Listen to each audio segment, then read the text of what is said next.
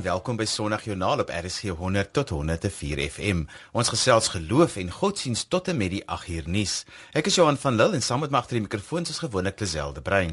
Goeiemôre, dit is lekker om weer vanoggend vir julle stories te kan bring uit die wêreld van godsdienst en geloof. En vanoggend gesels ons met Dion Liebenberg oor die interessante stories as dit kom by die ontwerp van 'n kerk. Dave Peppler vertel van die klipkerke wat in Ethiopië te sien is en Willem Venter bring hulde aan Dominee Solly Osroweg.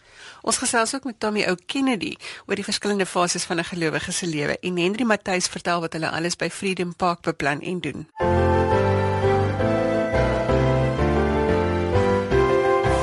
Jon Liebenberg is van die Cape Town Peninsula University of Technology. Nou vir die van julle wat se oud is soos ek, in my dae was dit gewone tegnikon geweest. En hy gesels vanoggend met ons oor die argitektoniese agtergrond van kerkgeboue in Suid-Afrika. Sy proefskrif het spesifiek gefokus op die gebruik van modernisme in die voorstedelike Afrikaanse kerke hier in die Kaap. Goeiemôre Dion. Môre Lisel. Dion, dit maak nie saak waar in Suid-Afrika jy ry nie. Elke dorp het 'n kerk in die hoofstraat. Uh ja, daar's 'n interessante geskiedenis daar agter. Uh, dit het te doen met die hele konsep van 'n kerkdorp. En dit het begin op die plaas uh, Rode Zand in 1743 wat 'n kerkplaas geword het en dit het later ontwikkel in die eerste kerkdorp wat Tilbag was. Daar was deur die 19de eeu soos wat nuwe dorpe in Suid-Afrika gestig is, is baie van hulle gestig as kerkdorpe. Die kerk, meestal die NG Kerk, maar ook die ander twee Afrikaanse kerke, hulle sal of die hele dorp uitlê of hulle sal seker maak dat die belangrikste erf, met ander woorde die een heel bo op die koppie of die heuwel, sal gekoop word om die kerk op te bou en dan word die hele dorp om dit uitgelê. So dis nie toevallig dat elke dorp 'n kerk in die hoofstraat het nie. Dion, hoekom lyk ons Afrikaanse kerke anders as die gotiese boustelle van Europa byvoorbeeld? Tot aan die begin van die 20ste eeu het dit dieselfde gelyk. Jy weet 'n tipiese kerk hier was in 'n neogotiese styl, uh, net soos wat mense in Europa gekry het, protestantse kerke. Maar vanaf net na die Boereoorlog het daar 'n nuwe bewussyn onder Afrikaners gekom dat hulle hulle eie identiteit wil laat geld. En hulle het besluit dat gotiese boustyl die konnotasies van die katolieke geloof en so aan is iets wat hulle nou van moet wegbeweeg. En Wynand Malan en Gerard Moerdijk het begin met 'n nuwe styl wat bekend staan as sentraalbou. Dit word ook genoem neo-byzantynse styl, maar hulle het eintlik gebaseer op die klassieke en die renaissance style. Dit het baie populêr geword reg deur Suid-Afrika. Tipies daarvan is is dat die kansel is in die middel en dan het jy die semicircle om dit van waar die mense sit. Maar die hele kerk het 'n sentrale uitleg soos 'n tipiese Renaissance kerk wat jy in Italië sou kry byvoorbeeld. Voordat ons by die binnekant van die kerk kom, is daar 'n rede hoekom elke kerk 'n uh, kerkklok of 'n toring het? Dit is net 'n baie ou tradisie wat teruggaan na Europa toe en dit is in die ou dae toe mense nog uh, meestal landelik was en jy het mense probeer roep daarvan ver weg op die plase en so aan met 'n kerkklok. En uh, ja, dit is eintlik maar in die eerste plek 'n praktiese ding. Nou kom ons fokus 'n bietjie op die binnekant van die kerk. Baie van die kerke waarin ek nou al was, het ongelooflike mooi preekstoele wat gekerf is uit hout en baie imposant is in die middel van die kerk. Word kerke spesifiek ontwerp, jy het nou 'n bietjie genoem daarvan, maar rondom lig en akoestiek en sulke ander belangrike aspekte. Ja, dit is ook 'n ding wat vanaf die 1930s het argitekte in die Afrikaanse kerke het hulle begin belangstel in die hele kwessie van hoe ontwerp mense 'n kerk wat spesifiek vir protestante en Afrikaanse protestante uh, gebou kan word. En die groot ding was dat die hele uitleg moet woordgerig wees. Die die belangrike ding is die woord van God en dit beteken dat elke persoon wat sit aan daai kerk moet 'n direkte siglyn hê, ononderbreekte siglyn na die kansel en hulle moet naby genoeg wees sodat hulle almal duidelik die prediker kan hoor. En daarom met die uitleg het baie keer jy kry hierdie wigvorm of waaiervormige uitleg in die nuwe moderne kerke wat vanaf 1939 begin het. Die eerste ene was die uh, Bellville Moederkerk waar die binnekant is 'n baie moderne uitleg. So die hele kerk word ontwerp om die protestantse liturgie en die kansel is natuurlik die fokuspunt daarvan. Dit is maar eintlik baie mooi dat net die woord die fokuspunt is en dat daar net een siglyn was na die woord. En watter rol speel lig, Dion? Ja, lig is ook 'n baie belangrike ding. Die idee daar agter is dat dat dit moet 'n gewyde atmosfeer skep. En daarom kry jy baie keer soos die Welgemoed Kerk in die noordelike voorstede hier in die Kaap, is daar die enigste natuurlike lig wat inkom is van 'n toring net agter die kansel en dit gee baie ander wêreldse gewyde atmosfeer wat baie treffend is in die kerk. En natuurlik die ander manier wat dit gedoen word is deur ehm um, gebrandskilderde vensters wat ook sedert die 1940s is in reg onthou wat begin inkom het in kerke, in protestantse kerke. Hulle vertel altyd vir my so 'n mooi storie. Dis regtig 'n mooi ding om te sien. Dion Laasens, hoe 'n kerk se dak? Die akoestiek, mense sing en die dominee preek jy met jy met sy stem alleen hoor. Dit speel tog sekerlik ook 'n rol. Ja, nee, akoestiek is baie belangrik en dit het ook te doen met daai ding van die woordgerigte ontwerp van die kerk in daai dae in die 1930s en 40s het kerke nog nie hierdie PA systems gehad nie. En daarom moes die akoestiek goed wees sodat die mense agter kan hoor. En die man wat die pionierwerk gedoen het, sy naam is Antoni Smith. Hy het baie belang gestel in akoestiek en hy het uh, dit bestudeer as 'n student. En daarom kry jy dat baie van sy kerke 'n tipe teater uitleg. Dit het ook tot gevolg gehad die ontwikkeling van die tipiese kappiekerk wat jy wat eers daar in Parys in die Vrystaat in 1955 begin het waar die hele kerk is soos 'n 'n megafoon en dit is vir die akoestiek dat almal duidelik kan hoor wat die prediker sê. Dionys ek reg as ek sê dat die moderne kerke baie eenvoudige lyne het. Hierdie eenvoudige lyne dit het ook te doen met die praktiese ding van die uitleg, die woordgerigte uitleg van die kerkbanke. Dit het te doen met die akoestiek want 'n kerk met eenvoudige lyne gaan 'n beter akoestiek oor die algemeen gee. Maar dit ook te doen met die die hele idee van die moderne en daar is 'n hele sosiale konteks daar, die verstedeliking van die Afrikaner. Die moderne stad is iets wat die Afrikaner dit was 'n baie groot probleem gewees van al, al hierdie verarmde mense wat van die platteland af gekom het wat in die stad gegaan het om werk te soek en wat baie arm was die stad was vir hulle 'n groot onding gewees en daar was mense wat toe besluit het dat mense hulle moet hierdie ding omdraai. Hulle moet maak dat die Afrikaner die stad die modernisme kan omhels en deel word daarvan anders gaan hulle ondergaan. So die hele ding van die modernisme van die kerk argitektuur het ook te doen dink ek met daai hele ding van die plaaskerk moet nou 'n stadkerk word. Baie interessante feite. Baie dankie Dion dat jy vanoggend met ons gesels het. Presies. Lisel het gesels met Dion Liebenberg, ontwerpdosent by Cape Town University of Technology. As jy sopas ingeskakel het, sê ons goeiemôre en welkom by Sondagjoernaal op RSG 100 tot 104 FM. Gaan loer gerus op RSG se webblad by rsg.co.za vir inligting oor ons gaste vandag en ook vir die res van RSG se skedules. Ons gaste se kontakdetail is ook op Sondagjoernaal se Facebook bladsy. Dave Peppler is 'n wêreldreisiger en hy sluit vanoggend by ons aan om 'n bietjie te vertel hoe lyk die besonderse kerke in Lalibela Lalibela in Ethiopië. Goeiemôre Duif. Goeiemôre. Duif ek verwys nou na Lalibela, maar jy sien seker daar in baie kerke reg oor al hierdie plekke waar jy reis in Afrika.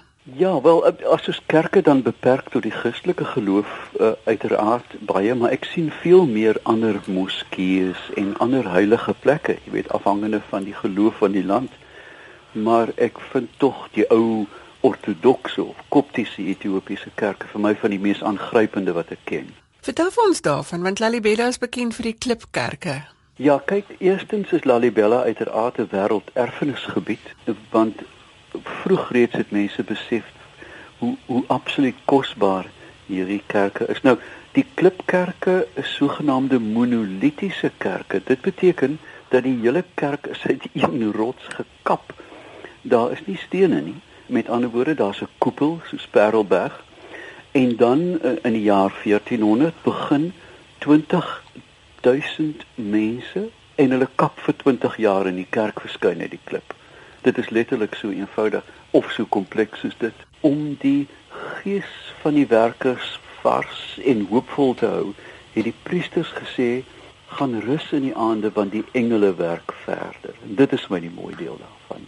Snags as jy slaap, kap die engele en, en, en dit om mense laat huil jy weet hierdie wonderbaarlike beeld van terwyl mense met hulle gekreusde hande en en en gaan lê en hulle seerig en hulle is moeg in in jaar na jaar en terwyl jy slaap kap die engele en dit is my verskriklik mooi Maar dit is 'n enorme taak. Ek dink jy het 'n plan gehad en waarmee het hulle gewerk? Met eenvoudige uh, uh, heel moontlik kliphamers in die begin, later uh, metaalhamers, maar jy weet dit is so eenvoudig soos 'n piramide bou. Jy hou net aan tot die ding klaar is. Machu Picchu, uh, die wêreld is vol van sulke bykans ondenkbare konstruksies, uh, die beelde in die woestyne van Suid-Amerika. Dit het duisende jare geneem om dit goed uit te pak.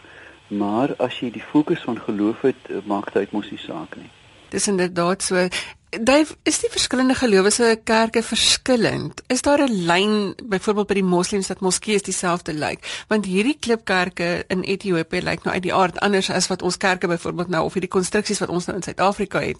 Ja, kyk, dan da, die een gemeenskaplike lyn deur alle kerke is dat hulle heilige ruimtes is.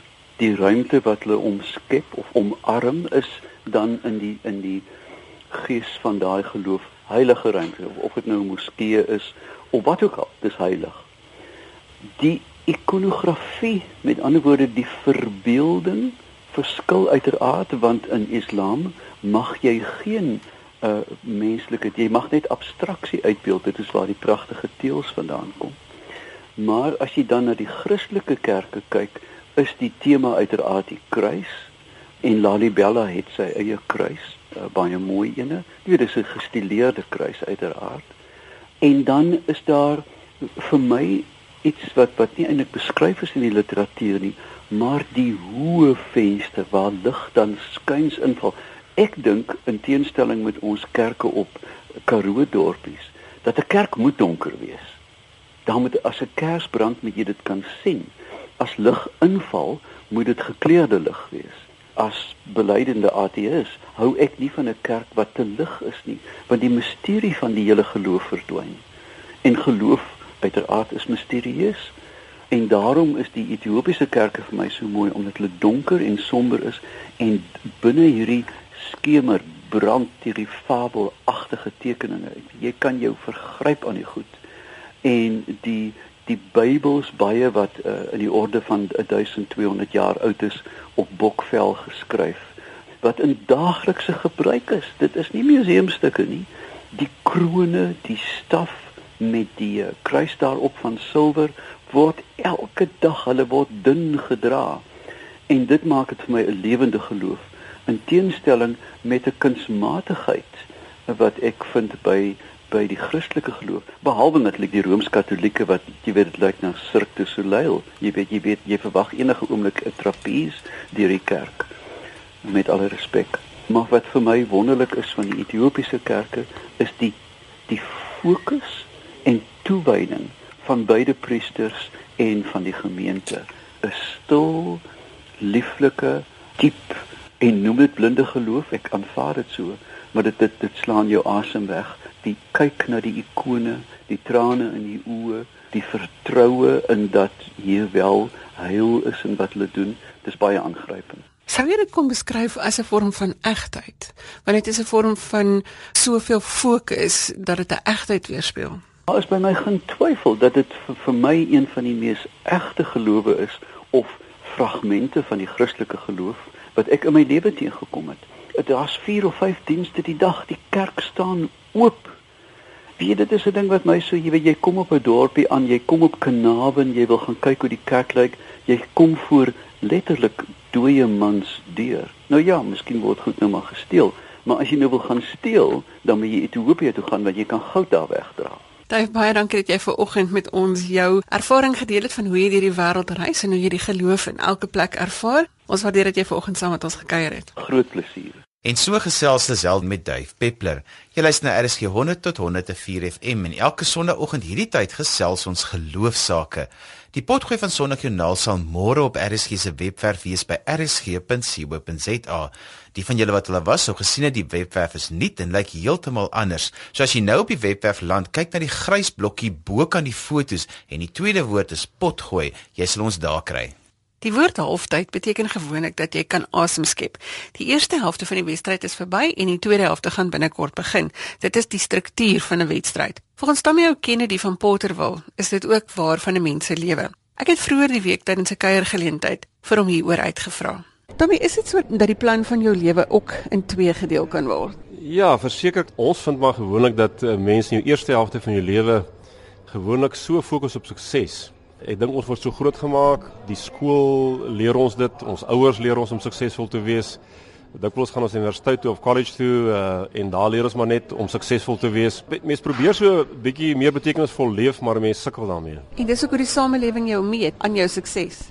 Ja, gewoonlik gaan mens uit in die samelewing en dan uh, is ons gewone fokus maar om die leer te klim van sukses uh, om meer geld te maak, uh, om hoër posisies te beklee en op die oomblik gaan dit maar daaroor dat mens suksesvol as moontlik moet wees in die samelewing. En dan kom daar 'n omdraai of daar's 'n punt waar jy daaroor begin dink. Wat gebeur dan in die tweede helfte? Ek dink wat gewoonlik gebeur as 'n mens sukses lank genoeg najag, dan kom daar 'n punt waar 'n mens begin voel maar om net sukses alleen na te jaag is baie leeg. En dit is wanneer die mense hierdie vrae begin vra.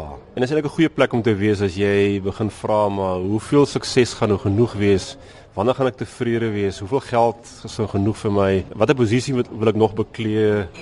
En as mens op daai punt kom waar 'n mens nou gereed is om vrae te vra oor jou toekoms en hoe lank wil ek nog doen wat ek doen? Ek dink dis 'n baie goeie punt om by te wees. Tommy, jy werk met mense wat soort van nou al klaar deur die eerste helfte van hulle lewens is wat dan by die tweede helfte kom. Hoe doen julle dit? In die eerste plek, mense moet gereed wees daarvoor om betrokke te raak by ons noem dit halftyd. So ek werk met mense basies wat gereed is, uh, wat eintlik self gereed is met die die lewe daarbey uitgekom het. So ons probeer identifiseer wanneer mense in sogenaamde halftyd is of gereed is vir halftyd. Gewoonlik is dit so eh, op die ouderdom van 40 tussen 40 en 60 jaar oud. Die afgelope tyd en veral vir afgelope 2 jaar kry ek 30 jariges wat sê hulle is gereed om na te dink oor die toekoms van hulle lewe en of hulle nie meer betekenisvol wil begin leef nie. En dan kry ek natuurlik ook uh, die ander groep uh, en kom ons sê dit is die afgetredenes of net voor hulle afgetree het of klaar afgetree het. Ek noem hulle die finishing well groep. Hulle sê vir my ek wil nie so doodgaan nie. Ek wil nog meer betekenisvol begin leef vir die tyd van my lewe wat ek oor is na aftrede of uh, semi-aftrede. En julle doen al hierdie goed uit 'n geloofsperspektief. Die Engelse het 'n mooi gesegde, "We always meet people where they are." So as 'n persoon nie gelowige is nie, sal ons hom ontmoet en hom probeer help met sy oortuigings. Een persoon eendag vir my gesê, "Ek hou van wat jy doen, maar dit moet net nie vir my probeer 'n Christen maak nie." Sê ek wel ek kan dit in elk geval nie doen nie, net die Here kan dit doen, maar ek sal respekteer die manier hoe jy dink. Wat is die drie sake of issues as ek die woord mag gebruik wat op die tafel is wanneer mense deur hierdie proses gaan? Miskien uh, self voor ek met jou daaroor praat, moet ek eers net sê wat gebeur met wat ek nou sien uh, wanneer waarna streef hulle as hulle nou um, begin oorbeweeg van sukses na beteken meer betekenisvolle lewe of Engels het so 'n mooi woord significance. Uh, ek sou sê die eerste ding wat gebeur is dat die persone wat op sukses gefokus is, alhoewel hulle Christene is en lief is vir die Here, lewe so in kompartemente. Iemand het eendag mooi gestel, hulle lewe in silo's. Uh as Christen by die huis, as Christen by die kerk, as Christen in die, in die sakewêreld. Uh maar ten diepste is hulle so gefokus op die sukses en dit dit dit uh dit, dit, dit maak hulle so vol van hulle denke, die suksesgedrewenheid dat hulle sukkel om hulle Christendom in die, in hulle sakewêreld of waar hulle werk toe te pas. En dan ontdek hulle dat hulle eintlik maar vir hulle self lewe en die ek baie sentraal staan. Mense wat uh, nou hierdie transformasie maak en regtig hierdie betekenisvolheid begin uh, ervaar. Ek dink daar gebeur drie groot uh, dinge in hulle lewe. Die eerste ding is hulle kry 'n koninkryksperspektief waar hulle by sukses 'n baie sterk ek uh, eie perspektief gekry het, uh, my eie koninkryk. Dit gaan nou oor die koninkryk van God. Tweedens wat hulle gebeur is hulle begin sien uh, dat uh, dit vir hulle baie belangrik om 'n verhouding met hierdie drie enige God te hê. Uh Vader, Seun en Heilige Gees. En dit beteken dat hulle ewe skielik weer teruggaan na die woord toe. Uh, stilte raak vir hulle belangrik. Uh om die Here se stem te hoor is vir hulle belangrik. Uh dit is baie moeilik om Here se stem te hoor. Dit was uh, ons wil dit op 'n maklike manier hoor, maar dit was met ons op die stil stemmetjie te hoor soos Elia moes hoor. So dis vir hulle baie belangrik om agter te kom wat is God se roeping vir hulle op aarde, is vir hulle belangrik um, om die Efesiërs 2 teen roeping te ontdek. En dan derdens wat gebeur met hulle is uh, hulle begin ewe skielik die nood van die wêreld raak sien. Dit hinder hulle ewe skielik dat hulle niks doen daaraan nie. En daarom is, is daar baie sterk diensmotief wat na vore kom. So ek vind dis die drie groot veranderinge plaasvind in mense se lewens. En nou is daar drie groot dinge wat moet uitsorteer. Mense wat gedrewe is en wat so gefokus is op sukses, hulle skiep baie keer die mense naaste aan hulle af. Met ander woorde die mense wat hulle bymekaar hou, die mense by die huis, die gesin. Keer hulle terug na daardie waardes toe. O, verseker. Gewoonlik as ons met mense werk en gewoonlik is dit oor 'n periode van 'n jaar ten minste, dan vra ek vir hulle na die tyd, wat het met jou gebeur? Uh, wat se veranderinge het in jou lewe plaasgevind in hierdie hele proses van transformasie. En een van die dinge wat hulle almal oor getuig is dat ewe skielik het ek gesien hoe belangrik my vrou, my kinders, man, dan of 'n vrou of 'n man is. My kinders is hoe belangrik my liggaam iewes skielik uh, dat ek my liggaam moet oppas. Hoe belangrik dit is dat ek moet geestelik groei. Maar ook verseker uh, die gesin uh, begin baie prominent word. Verduidelik nou vir ons die pad vorentoe. Nou het hulle hierdie dinge besef, wat gebeur volgende? Ek dink is al die drie groot, die Engels het so mooi woord issues wat jy moet uitsorteer. Is basies eerstens uh, moet mense uitsorteer wie is ek? Die kern van my lewe. Die tweede ding wat hulle uitsorteer is ehm um, uh, wat is my kapasiteit? Uh waarmee ek kan begin begin dien en hoe kan my kapasiteit ver, vermeerder om dan te begin dien daarmee? En die derde ding wat ek uitsorteer is ehm um, wat is die konteks waar die Here my wil gebruik om die grootste bydrae te maak. Die Engels het so mooi gesegde, what is my best fit serving role? Dan het ons nou nie tyd om deur al hierdie goeters te gaan nie, maar daar is nou ook 4 stappe wat 'n mens moet volg.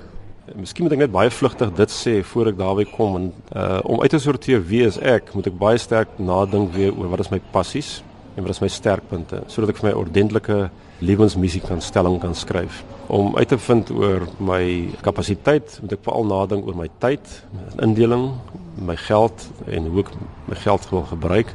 Wat is die geestelike gawes en talente wat ek kan kan mee dien? En dan moet ek natuurlik uitvind wat is my beste rol en plek waar ek kan dien. Maar ek dink die vier fases wat mense deurgaan is basies eerstens en dit is nou nie 'n volgorde noodwendig nie maar min of meer moet hulle daarom begin nadink eerstens oor 'n nuwe visie kry Ons het vanoggend na professor Piet Nudee gaan luister hierso en dit is my wonderlik om te sien hoe hy sê as mense nie 'n toekomsperspektief het nie, as mense nie oor die toekoms kan droom meer nie, dan gaan ons eintlik dood en dan kan ons nie eintlik leiers wees op ons gebied nie.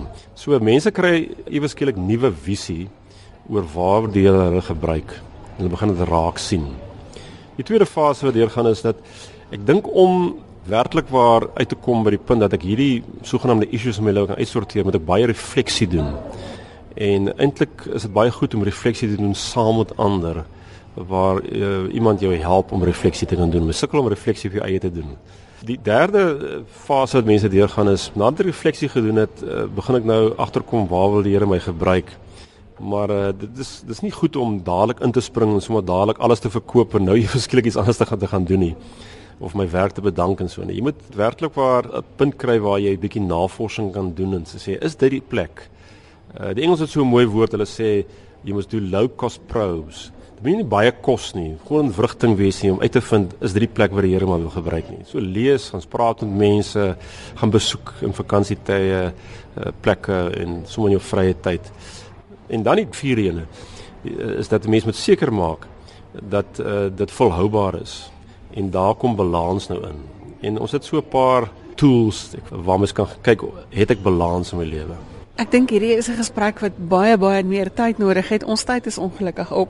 As mense met jou wil in verbinding tree of net weer wil hoor oor hierdie drie fases en die vier metodes waarop jy daarby uitkom, waar kan hulle vir jou in die hande kry? Ek dink die maklikste gaan wees my telefoonnommer is 083 461 0999 en e-posadres is tommy met 'n lang y @halftimesa.co.za Uh, en dan miskien net noem dat ons bied seminare aan, doen ook uh, een tot een sogenaamde afrigting of coaching en die lekkerste eintlik is om in 'n groep saam van so 6 tot 8 vir 'n jaar saam te op 'n reis te gaan en te sien hoe lyk my halftyd waar ek nadink oor die dinge en bietjie oor die toekoms nadink en hoe hoe werk ek my plan uit vir die toekoms. Dit was dan my ou Kennedy wat vir ons 'n bietjie gesels het oor die fases van jou lewe, die eerste en die tweede fase en dan ook op 'n manier hoe jy moet weet waar jy in die lewe is. Dankie Tammy dat jy vanoggend met ons gesels het. Dankie Lisel.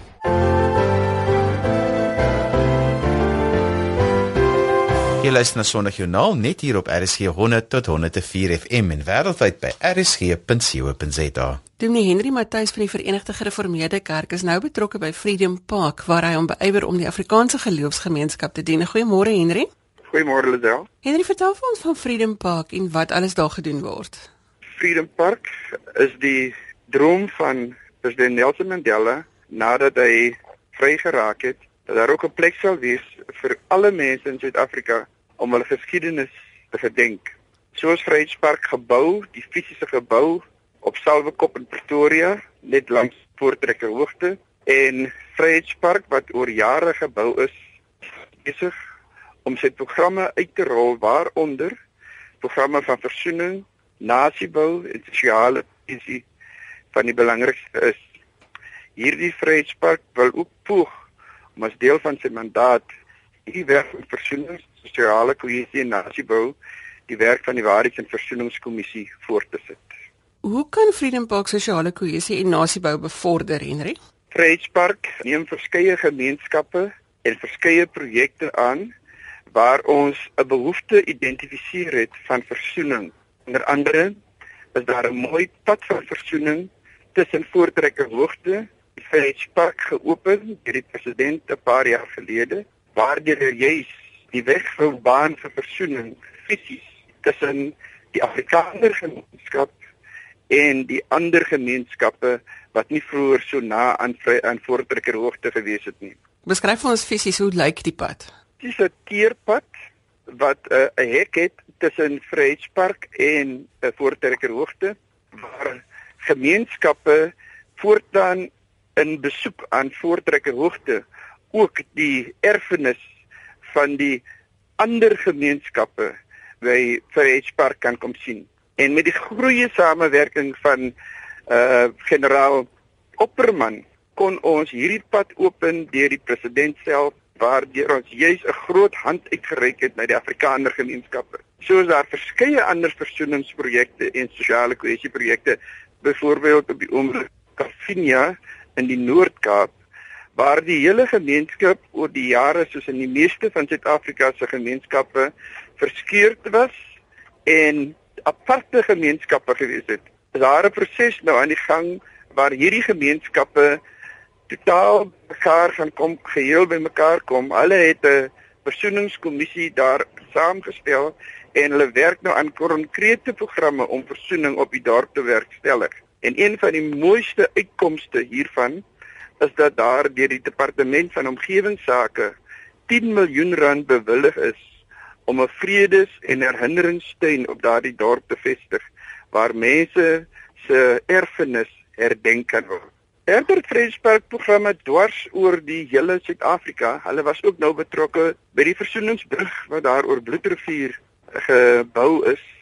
En dit is wat sommige van die versoeningsprogramme betref, maar in die hart daarvan lê dat ons 'n behoefte om in die land effektiewe versoening tussen gemeenskappe te bevorder en iewers moes daar ehm, 'n um, program opstaan, 'n nasionale program om dit te doen en Vryheidspark het hierdie verantwoordelikheid opgeneem in opvolg van die werk van die Waarheids- en Versoeningskommissie. In die proses maak ons gebruik van verskeie agentskappe wat uh, plaaslik en nasionaal besig is met versoening. Ons het byvoorbeeld hier in die Weskaap die Instituut vir Geregtigheid en Versoening, Institute for Justice and Reconciliation, uh, wat een van ons by die programme jy stimuleer op Kafinia.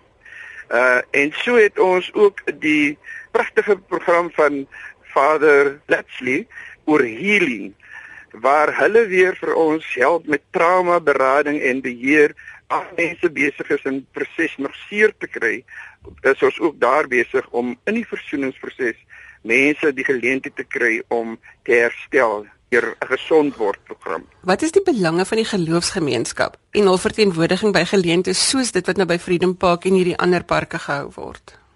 Ja, ons wil graag hê dat alle dissiplines in die samelewing by versoeningsprogramme betrokke raak, maar ons het ook die pragtige voorbeelde dat geloofsleiers absoluut na vore kom om hierdie uh, hierdie kommissies van versoening op die verskillende dorpe op die komitees te lei. Ons byvoorbeeld die AGS pastoor op Calvinia, pastoor Esterhuisen wat die ondervoorsitter daar is. En dan het ons ook spesifiek leiers van kerke soos Dr. Bram Hannekom, hulle almal ingespan en word hulle van tyd tot tyd gebruik om hierdie versoeningsprogramme leiding te kom gee oor hoe die kerkgemeenskap voor moet trek met versoening. En daarom is daar 'n groot welwillendheid onder die geloofsgemeenskappe om by hierdie versoeningsprogramme betrokke te raak. Belangrik moet ek egter ook vir jou noem dat versoening in 'n ligleegte het geen effek nie. En daarom gaan die versoeningsprogramme altyd gepaard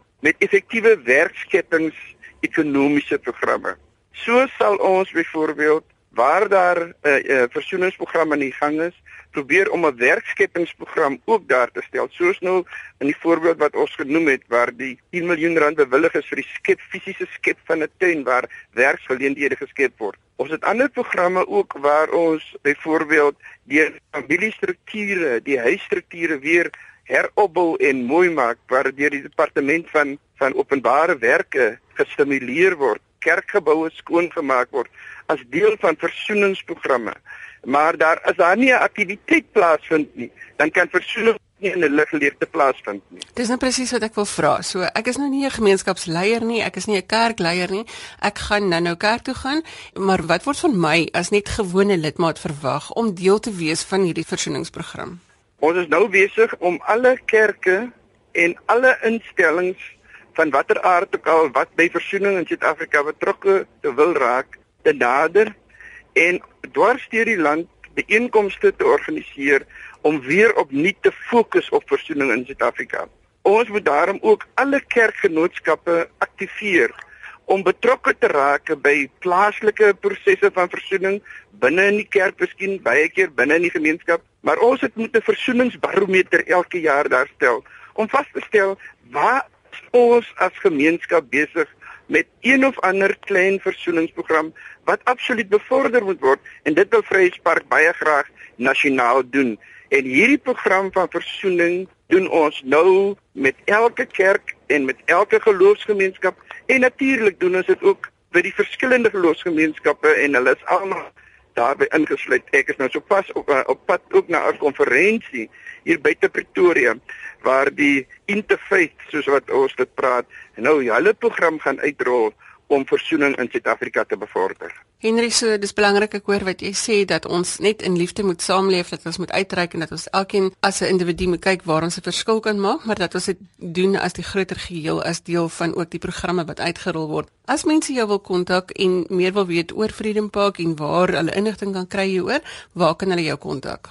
Ek is beskikbaar by op hierdie selnommer 082 762 4967 dan ook by my e-pos Henry Matthys met die dubbel T soos Matthys Roots Henry Matthys 001 by yahoo.com en Vryheidspark kan absoluut net op hulle webwerf kan hulle ook gekyk gekry word by www.freedompark.co.za Kan ek net vra Henry is dit Henry met 'n IE of met 'n Y? Henry met die Y. Henry baie dankie dat jy vanoggend saam met ons gekuier het. Baie baie dankie vir die geleentheid. Ek herhaal net weer die kontakdetail wat Henry gegee het. Die nommer is 082 762 4967. Dis 082 762 4967 en die e-posadres is Henry Matthys. Dit is H E N R Y M A T T H Y S 001 by yahoo.com. Dominee Willem Venter is van die La Rochelle gemeente hier in die Wes-Kaap en hy gaan vanoggend met ons gesels oor die werk en die lewe van Dominee Solly Osterweg. Goeiemôre Willem. Môre Lisel. Willem, dit wat ek met Dominee Solly te doen gehad het, was hy 'n stil, teruggetrokke man. Vertel vir ons van sy werk en sy lewe. Weet jy Lisel, as ek nou oor Dominee Solly moet gesels, dan sal ek dit graag op twee vlakke wil doen. Die een sou ek wou iets sê oor dit wat hy gedoen het en waarvoor hy die land oor bekend is. Ek sou graag wil begin om te sê ek is bewus daarvan dat hy aan die Sending Instituut in Wellington studeer het en dat hulle daar bekend gestaan het as die donkies. Hulle het hulle self so genoem na aanleiding van die verhaal uh, in die evangelies waar Jesus in Jerusalem ingery het, die intog in Jerusalem op die rug van 'n donkie Maar hulle het gemeen dat hulle op so 'n manier die studente daar wat dan nou uiteindelik predikante sou word, die evangelie ook die land in sou dra. En ek dink hy het dit nogal by uitnemendheid reg gekry. As 'n mens uh, dink wat hy gedoen het, dink ek hy was sy tyd ook soms ver vooruit gewees. Wie sal dan nou die inrydienste wat hy gehou het in Gordons Bay vergeet? Ek hoor ook by mense dat hy op 'n stadium uh toe dit nog Afrikaanse radiodiens was, het hy uh 'n tipe van 'n inbeldiens daar gestel. Ek dink amper die nommer wat jy kon bel was 4000 of 400 of so iets. Dan kon jy nou op 'n sekere aand inbel en net so een sin bemoediging of vertroosting of selfs soms net die evangelie in een sin by hom hoor. Dit mense daarby voeg sy boeke en uh, ek verstaan hy het uh, al die prys gewen as die skrywer wat die meeste Afrikaanse geestelike boeke verkoop het. As ek dit nie mis het nie, is dit 1.2 miljoen. Ja, ek dink nie daar's 'n huis waar jy kom wat nie 'n Dominee Solly dagstukkie boek iewers het nie. Selfs dit, daai dagstukkie boeke wat mense miskien verenig het om om huisgodsdiens of in hulle persoonlike stilte tyd.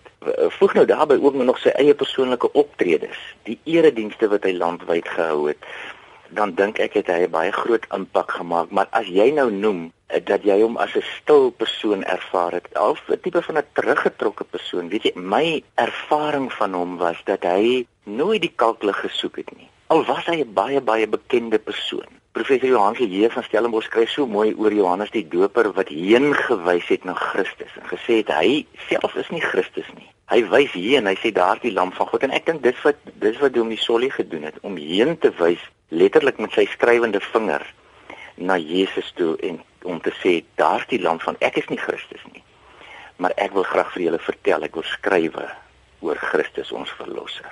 So ek dink aan wat sy skryfwerk en sy sy werk as 'n evangeliedienaar aanbetref so het hy 'n onuitwisbare indruk op baie mense se lewens gemaak. As mens het ek hom die afgelope 2 jaar en 4 maande het ek hom leer ken hier as 'n lidmaat van ons gemeente. Het ek hom werklik op 'n baie meer intieme vlak leer ken. En weet jy, ek kan nie anders as om net mooi dinge oor oom Solly te sê. Hy's altyd 'n vriendelike mens, altyd gasvry hy en tannie Louise wanneer ons daar gekom het, altyd met 'n glimlag uh jou ontvang. Selfs in die tye wat dit vir hom moeilik was met sy gesondheid ook die laaste paar jaar. Hy het altyd tot in die hospitaal waar ek hom besoek het, het hy altyd vir ons met 'n glimlag ontvang. Hy was 'n gebalanseerde mens. Hy by hy in sy jong dae baie goeie sportman was en tot op baie laat in sy lewe het hy nog uh golf gespeel.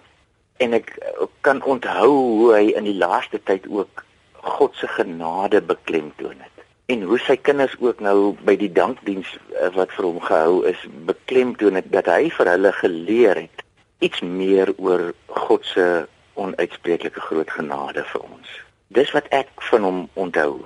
'n Man wat baie baie getrou tot op die laaste ons eredienste bygewoon het. Hy en tannie Louise altyd daar gewees. Inteendeel, as ek reg onthou, die laaste erediens wat hy bygewoon het direk daarna, ek is nie doodseker of dit die Sondagmiddag of die Maandagoggend nie, is hy hospitaal toe omdat hy hartaanval gehad het. Klaarblyklik net na die diens of teen die einde van die diens. So hy is letterlik uit die kerk uit hospitaal toe. As ek kon opsom oor sy lewe, sou ek kon dink dat hy iemand is wat met 'n geïntegreerde spiritualiteit gelewe het. Hy het nie net die woord gelees nie, hy het nie net geskryf oor die woord nie, hy het dit geleef. So ek dink iemand wat 'n onuitwisbare indruk uh, definitief op my lewe, maar ek glo ook op baie Suid-Afrikaners se lewe gemaak het. Dankie Willem, ons het verskriklik baie mense gekry wat gesê het dat hy 'n baie positiewe verskil in hulle lewe gemaak het. Dankie dat jy ook jou indrukke van Dominee Solly met ons gedeel het vanoggend. Dis 'n groot plesier, Lisel. Dankie Willem vir jou terugkyk oor die skrywer en die predikant Dominee Solly Osreweg se lewe. Ons gesels soos gewoonlik vanoggend met Dr. Janie Leroux, predikant van die NG Kerk in Gordons Bay. Goeiemôre Janie. Hallo Lisel, hoe gaan dit? Dit gaan met my baie goed, dankie. Ek is reg dat jy my inspireer vir die dag. Lisel, ek hoor julle praat oor argitektuur en sulke planmatige dinge. So kom ons gesels 'n bietjie vandag oor God se plan vir ons lewe. Soveel mense wat swaar kry omdat hulle kind gesterf het of omdat hulle finansiëel in moeilikheid is en, en hulle sien nie die lig nie. Wonder of dit regtig God se plan vir hulle lewe kan wees. Wat sê mense vir sulke mense? Lisel, ek dink om na die lewe te kyk en daaroor afleidings oor God te maak is eintlik onregverdig teenoor God. Ek het lank pottebakkerswerk gedoen en partykeer kom daardie stukkie klei net nie uit soos ek dit bedoel het nie. Dis asof die klei ook 'n wil van sy eie het. Om dan na die eindprodukte kyk en te dink dit sê alles oor my, sal gewoon onbillik wees. Ek is mos meer as net daai klei of die vorm daarvan. Dieselfde met ons prentjie van God. Die skepping en die mense in ons lotgevalle sê gewoon te min oor God. Bovendien weet ons dat God ons juis toegelaat het om 'n vrye wil te hê. Met ander woorde, ek en jy kan self kies. Ons kan dus ook kies wat om oor God te glo en selfs verkeerd oor God te glo. Daarom het ons nodig om iets van God se eie kant af te hoor. Jesus help my natuurlik hiermee en ons almal. In Johannes 6 vers 38 tot 40 sê Jesus: Ek het van die hemel af gekom om nie my wil te doen nie, maar die wil van hom wat my gestuur het. En dit is die wil van hom wat my gestuur het, dat ek van almal wat hy my gegee het, nie een verlore sal laat gaan nie, maar hulle almal op die laaste dag uit die dood sal laat opstaan. Dit is die wil van my Vader, dat elkeen wat die Seun sien en in hom glo, die ewige lewe sal hê, en ek sal hom op die laaste dag uit die dood laat opstaan. Ons moet dus nie vanuit die lewe op aarde en vanuit die slegte of selfs die goeie goed afleidings oor God maak nie. Dis net te klein.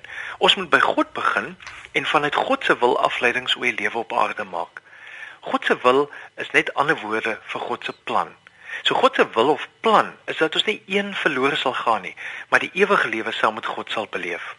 Ons moet verstaan dat God voortdurend kreatief en innoverend besig is om ons in die rigting van hierdie besondere liefdesverhouding en liefdestoekoms te bewerk. Maar God gee ons altyd die keuse. God beheer ons nie asof ons robotte en stukke klei is nie. Ons het 'n vrye wil sodat ons 'n vryheid kies om Jesus te volg wat ons lei in hierdie liefde. Die wonderlike troos is dat God se plan nooit is om ons alleen te laat nie. Daarom Jesus na die aarde gekom om te wys hoe lyk God se liefde wat alles opoffer om ons te red. Daarom is die Heilige Gees uitgestuur sodat ons heeltyd kan weet in goeie en in slegte tye, God laat ons nie alleen nie. God is saam met ons in die situasie.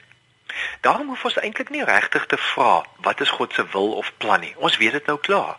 Ons kan wel vra, waarmee is God nou hier besig? Waarheen lei Jesus my? Waarvan oortuig die Gees my? God is die God van liefde en daarom kan ons met God gesels oor alles want God is saam met ons in hierdie situasie. Janie, wat het dit wat jy vir ons gesê het in een sin saam? God is by jou. God sal jou altyd op koers hou totdat ons vir ewig saam met God is. God self is die plan. Dankie Janie, dit was lekker om soos gewoonlik vir jou saam met ons te hê vanoggend. Lekker dag verder. Baie dankie. Dit was Dr. Janie Leroux met ons inspirasie vir die week wat voorlê en daarmee dan natuurlik ook tyd geword om te groet. Volgende Sondag maak ons weer so. Tot dan van my Liselde Brein, totsiens. Ek groet ook namens produksieregisseur Neil Roo agter die kontroles. Tot later vandag van my Johan van Lille. Totsiens.